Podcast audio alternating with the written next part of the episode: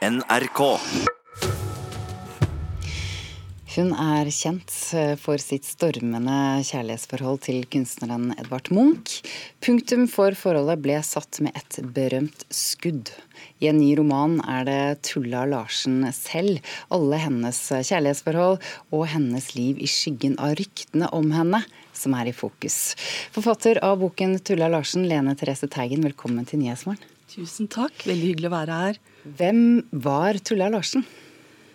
Ja, Du har jo allerede sagt det, at eh, hun er kjent som kjæresten og modellen til Edvard Munch. I en periode på fire år, fra 1898 til 1902, hadde de et forhold.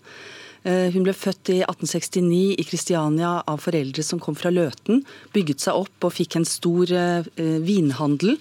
Og hun ble da et rikmannsbarn, kan man si, men dette var altså folk som hadde jobbet seg fram. Eh, hun hadde også flere andre kjærlighetsforhold etter at eh, punktumet ble satt med Munchs eh, skudd i hånden. Hvorfor vil du fortelle historien om henne? Jo, det er en forholdsvis lang historie. Jeg skal prøve å gjøre den så kort jeg kan. Det er lenge siden jeg første gang fikk faktisk et oppdrag om å skrive om henne og Edvard Munch. Når jeg begynte å gjøre research, så fant jeg ut at her var det utrolig mye negativt skrevet om en dame, eh, som ikke framsto som et menneske, men som en slags rollefigur, en klisjé. altså eh, Skjøgen, kan man si. Vi har Skjøge, Madonna. Eh, alle disse klisjéformene som gjerne kvinner har blitt satt inn i i, i ulike fortellinger. Og her var hun eh, med dette lange, røde håret som stadig vekk ble påpekt at det var en slags idé om å være eh, promiskuøs eller sånn. Jeg kunne ikke helt forstå dette her. Jeg syns det virket eh, som merkelig, et merkelig menneske. Og hvorfor i det hele tatt var Edvard Munch interessert i henne?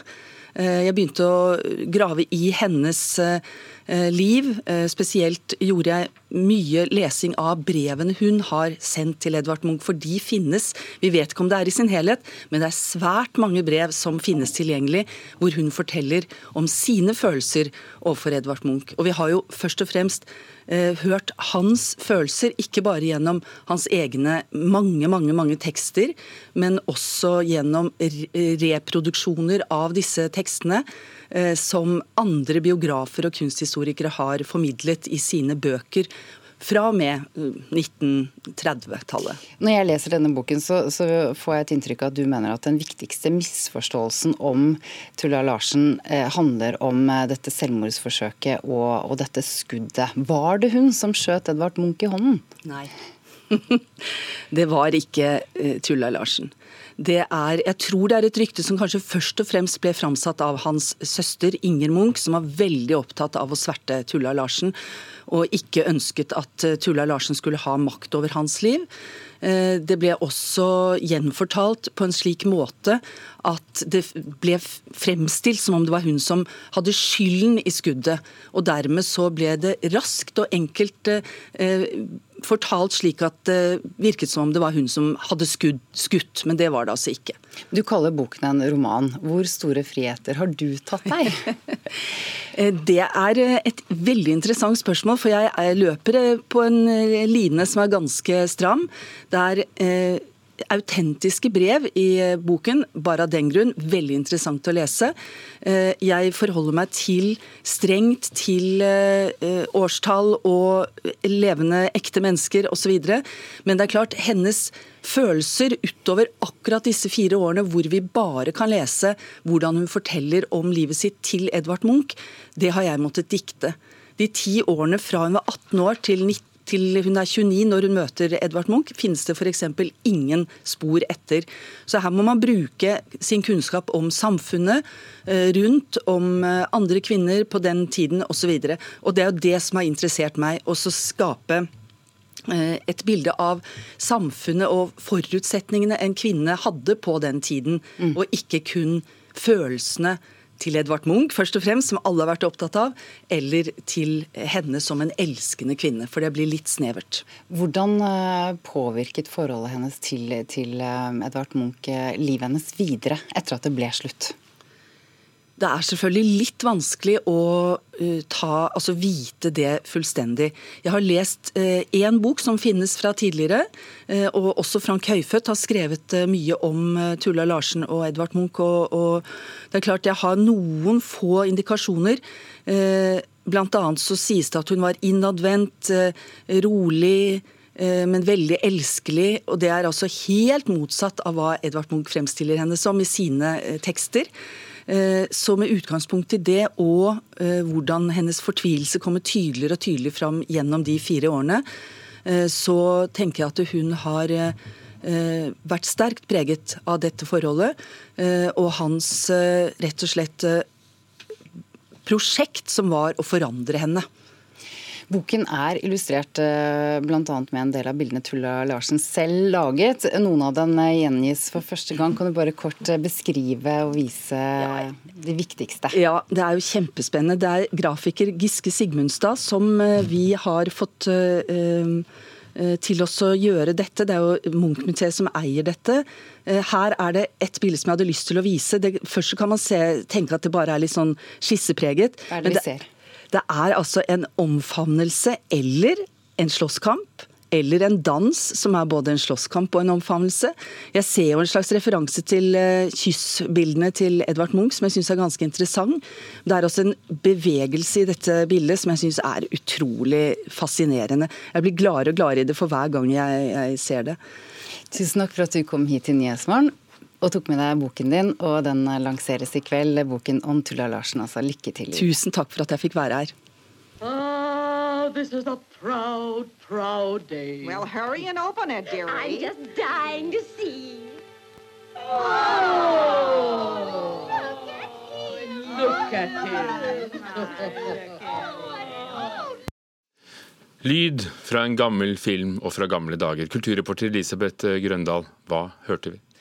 Vi hørte lyden fra Dumbo, den lille elefanten som vi husker. Og det var scenen der han ble født som vi hørte nå. Mye glede, hører vi. Dvs. Si han ble jo ikke født. Han kom jo naturligvis med storken, for dette her er fra 1941, og vi fortalte jo ikke barna i 1941 hvordan dette egentlig gikk til. Og det hørte vi fordi Disney Pluss, denne nye strømmetjenesten som kommer hit på nyåret, som inneholder alt Disney har laget, alle disse gamle filmene som var rene mesterverk innen tegnefilm da de kom, de lanserte jo i USA denne uka. Og nå har publikum i USA begynt å oppdage hva som ikke er tilgjengelig av kjente Disney-filmer. For det er et problem med de gamle filmene som vi kanskje ikke har tenkt på. Hva er problemet? At vi ikke får, får tak i dem? det kan det jo være, men det Problemet er at Disney ser ut til å være veldig følsomme for problematisk innhold som kan passe dårlig i dagens samfunn. Det skriver Deadline i dag. I 1946 laget de en film som heter 'Song of the South'. og Den har et så problematisk forhold til eh, folk med forskjellig hudfarge at den ikke har vært vist på 33 år. Og Den er heller ikke nå blitt tilgjengelig, og det hadde vel ingen venta seg heller.